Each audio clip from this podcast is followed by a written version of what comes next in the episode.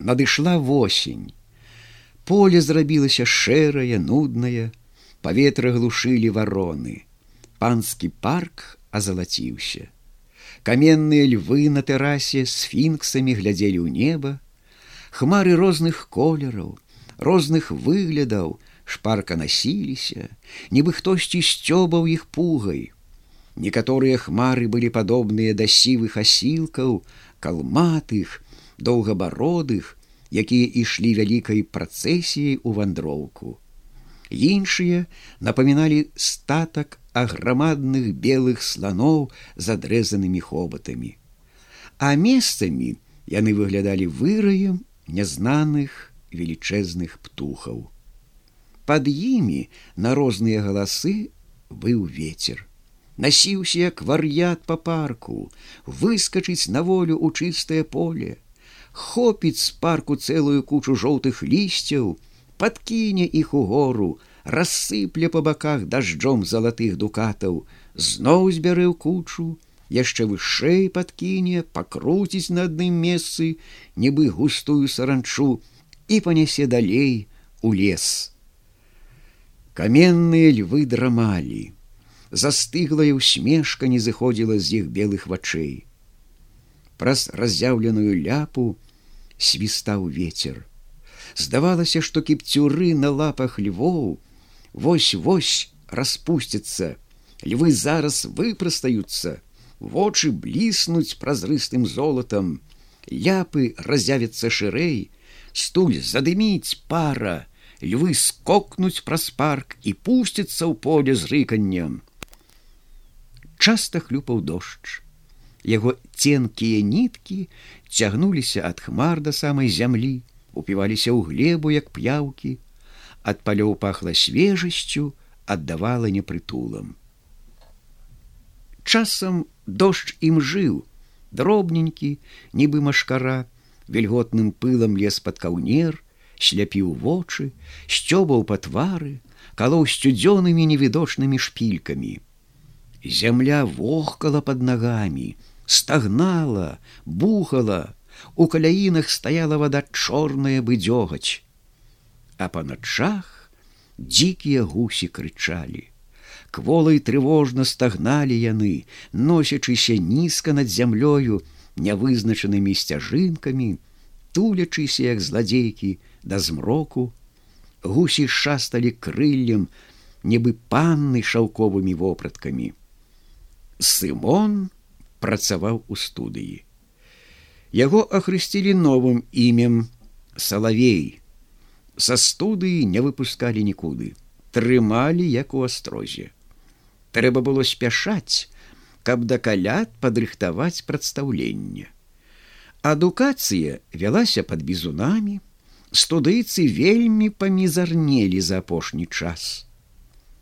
Адукацыя Сымона пакуль што была лёгкая. У вялікія акторы ён тым чынам не назначаўся пакуль што яго роля выяўлялася ў тым, каб на панскіх балях спяваць салаўём. Гэты арыгінальны нумар пану вельмі спадабаўся. Пан на яго пакладаў вялікія надзеі, а пасля калят за адукацыю Сымона прыйдзецца прыняцца больш рупна. Каб выхаванне ішло паспешна і правільна, панскі бізун ляскаў па спінах актораў у час рэпетыцыі па некалькі разоў на дзень. Пан пераменчыва лічыў вышэй за іншыя формы мастацтва, то музыку, то драму, а то балет. І ў сувязі з гэтым той частцы яго студыі ад яго больш за іншых пападалася бізуноў. Галоўным чынам студыйцы цярпелі за кепскую вымову польскіх слоў Тут ужо сам ксёнц марцевич драматург падбухторваў пана. Гэта быдла зусім не роджана для таго, каб нашу прыгожую далікатную мову са сцэны ілюстраваць. Яго светла-шэрыя вочы кідалі маланкі справядлівага гневу. Ён хітра паглядаў у твар пана вашамірскага, якое гэта на яго зробіць уражанне, ці ж хамула чорная косць можа быць здольным перадаваць музыку нашай мовы? Ганьба яснавяльможны пане ганьба каб такі эстэт як пан вашамірскі? Праз пальцы на гэта глядзеў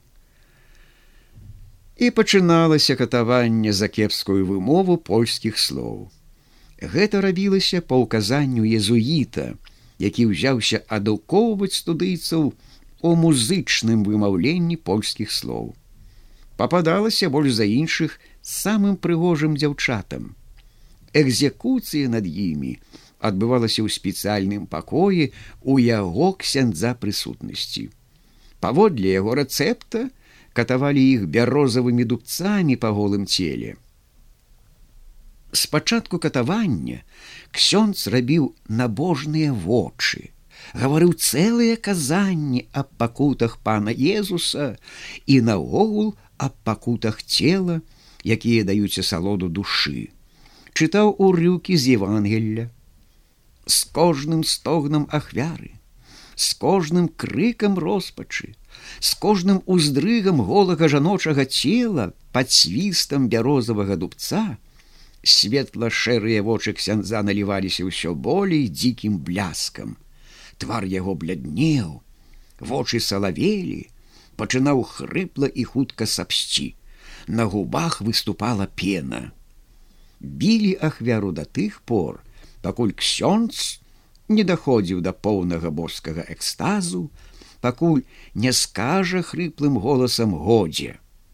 Як звар'яцелыя, хадзілі студыйцы з кута ў кут па пакоі, у спецыяльным памяшканні студыі і шапталі польскія словы.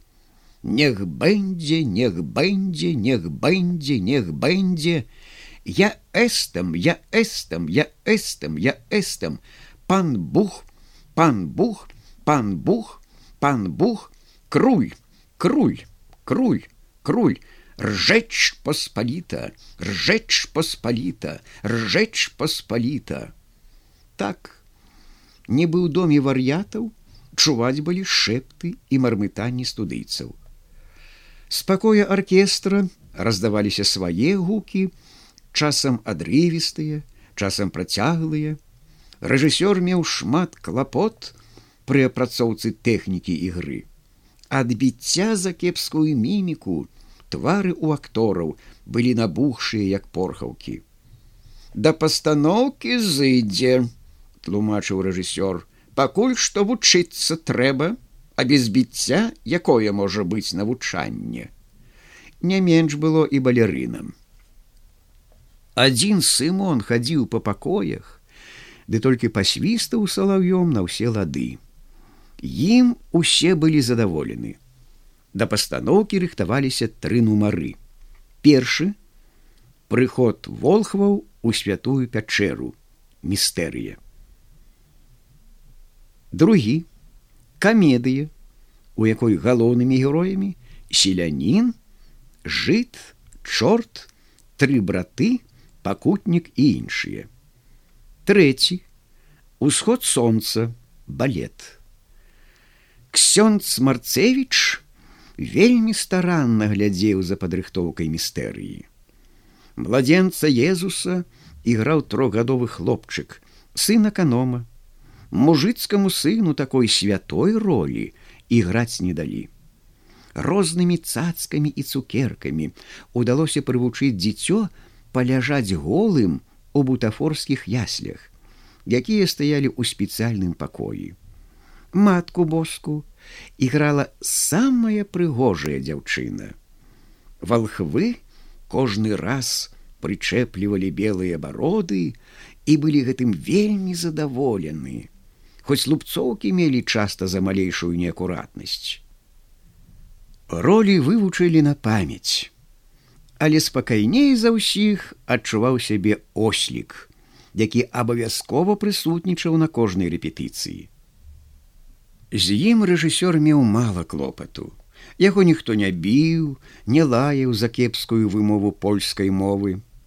Праўда, ксёнц Марцевіч у сваёй інсцэнерызацыі гэтага эпізоду святого тэстамента надаў і святому боскаму осліку дар слова, улажыўшы ў яго вусны хвалу сыну Божаму у лацінскім вершы. Але пан Вашамірскі пры разглядзе гэтай містэрыі высмеяў аўтара за такую ненатуральнасць. Чаму ненатуральнасць? пакрыўдзіўся езуіт, А валаама асёл гаварыў, пэўна, і ў пана Езуса гаварыў, кончыў ён з набожным агнём у вачах. Аб тым, што асёл валаама гаварыў, у бібліі сказано, казаў на гэта пан вашамірскі, аб хрыстусавым асле у евангелі нічога не напісана. Аб гэтым і пісаць не трэба, гарачыўся ксёнз, аб гэтым і так кожны можа зразумець, і так ясна. Як жа гэта можа быць, каб асёл сына Божага не гаварыў, дзівіўся ксёнз і разводзіў рукамі ў бок пустой сцяны. Пан вашамірскі аднак падставіў на сваім чырвоным атрамантам выкасаваў маналог асла асёл быў зроблены бутафорскі. Ксёнз доўга аб гэтым шкадаваў. Ён меркаваў да гэтай ролі камбінацыю з двух чалавек, якія у масцы асла пад хітра сшытай з матэрыі фігурай асла будуць стаяць сагнуўшыся. Адзін з іх будзе казаць лацінскі асліны верш, у якім ухваляць сына Божага, а другі загікае па-аслінаму, і будзе круціць хвастом. Але што ж воля пана на драўлянага асла садзілі часта пана Езуса, трохгадовага хлопчыка, які пры гэтым вельмі смяяўся. Вочки яго зялі радасцю і гордасцю, калі валхвы сівабародыя кланяліся яму ў ногі з набожнай пашанай. З камедыі, Сымон ведаў на памяць усе ролі, але салаўя на гэта не турбавалі. Няхай спачатку прыглядаецца, гаварыў рэжысёр. Балетмайстер сфантазіраваў усход сонца вельмі пышна і зрабна. Балерыны увасаблялі сабою сонца, месяц і зоркі. Навездзе з горада шмат розных дарагіх матэрыі на сцэнічныя вопраткі. Тут яшчэ патрэбны былі краўцы, маляр-дэкаратар, іншыя майстры. Ад клопатаў галава кружылася. Нават во сне пан бачыў свой тэатр. На розныя такія дадаткі для тэатра пан спусціў адзін сваіх маёнткаў, якія яму чамусьці ніякага прыбытку не даваў. Адкупіў аканом таго ж самага маёнтка. Праўда, суседзі паны шапталі пану вашамірскаму на вуха, што аканом купіў маёнтак за грошы, крадзеныя з гэтага ж маёнтка. Але пану вашамірскаму часу не было займацца такімі будзёнымі справамі. Тэатр засланіў перад ім усё на свеце. Часамі і яда яму ў горла не лезла, жартачкі, такі апякун мастацтва. Аб ім слава пусціць пагалоскі аж да варшавы. Парыскім прыяцелем ён таксама аб гэтым пісаў. Яны надзівіцца не могуць яго дзейнасці яго генію. Усім сваім артыстам ён сам прыдумваў новыя імёны. Аўрора венера аполлон фэп і іншыя балерын назваў па парадку імёнамі ўсіх дзевяці мус. У памяшканні студыі ім было забаронена ўжываць свае ўласныя імёны, за гэта строга каралі. Шмат панскай бярозавай кашы з'елі яны, пакуль навучыліся выгаворваць гэтыя словы, пакуль запамятавалі іх, бо кожнаму трэба было ведаць імёны ўсіх сваіх таварышаў па студыі. Гэта для сялянскіх дзяўчат і хлапцоў справа была нялёгкая. Аднятыя ад бацькоў, ад ранейшага быту, уцягнутыя ў новае жыццё, нязвыклае для іх. Нададзеныя новыя імёны, чыстая вопратка, лепшая, чым у хаце яда, адарванасць ад сялянскай фізічнай працы, Усё гэта перарабіла іх, кінула ў нейкі фантастычны вір. Да гэтага яшчэ кожны з іх у сваіх ролях павінен быў увасабляць зусім іншых людзей, ператварацца ў іх. Французы педагогі чыталі ім аб гэтым вельмі красамоўныя лекцыі, якія пан сам тлумачыў ім слова ў слова, захапляючыся і захлёбваючыся сваім уласным голасам. Яны простыя дзеці вёскі, зразумелі з усяго гэтага пятое праз десятое. У іх галовах круціўся і мігцеў дзікі каламбур. Ім здавалася, што знаходзіцца ў нейкім дзівосным і страшным сне. У страшным дзеля таго, што ўсё гэта убівалася ім у галовы бізунамі. Бадай кожны з іх рад быў бы вырвацца з гэтага пекла, каб вярнуцца да свайго ранейшага ладу жыцця. Дзеля таго, каб ачысціцца ад свайго хамства і мужычых характараў, каб выкшталцаваць сябе як артыстаў, да таго, каб усё вакольнае, людзей рознага рангу, стану і характару мець здольнасць адлюстроўваць у сваёй ігры, перавасабляць сябе у зусім новыя істоты. Французскія педагогі гаварылі ім, каб пачалі думаць по-новаму.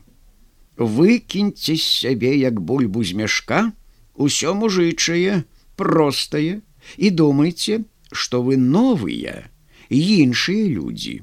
Вы не тыя, якімі былі раней. А самае лепшае ў такіх выпадках, калі нешта мужычае, простае, лезе ў мазгі, старацца зусім нічога не думаць. Ад такіх лекцый вочы на лоб вылазілі ў студыйцаў. Як наўмысня ў галаву лезлі думкі аб сваіх.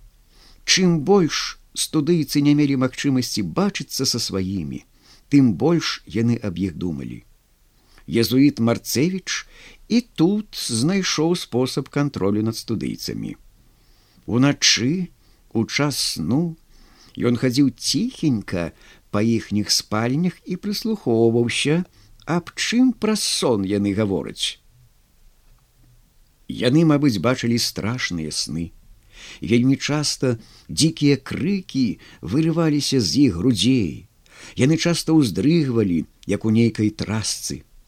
Часам хтосьці прачнецца з дзікімі, крывёй налітымі вачыма, нічога перад сабою не бачыць, а паўтарае сваю ролю. Такія праявіны ксяндзу вельмі падабаліся. Доказ таму, што студыйцы пранікліся новым.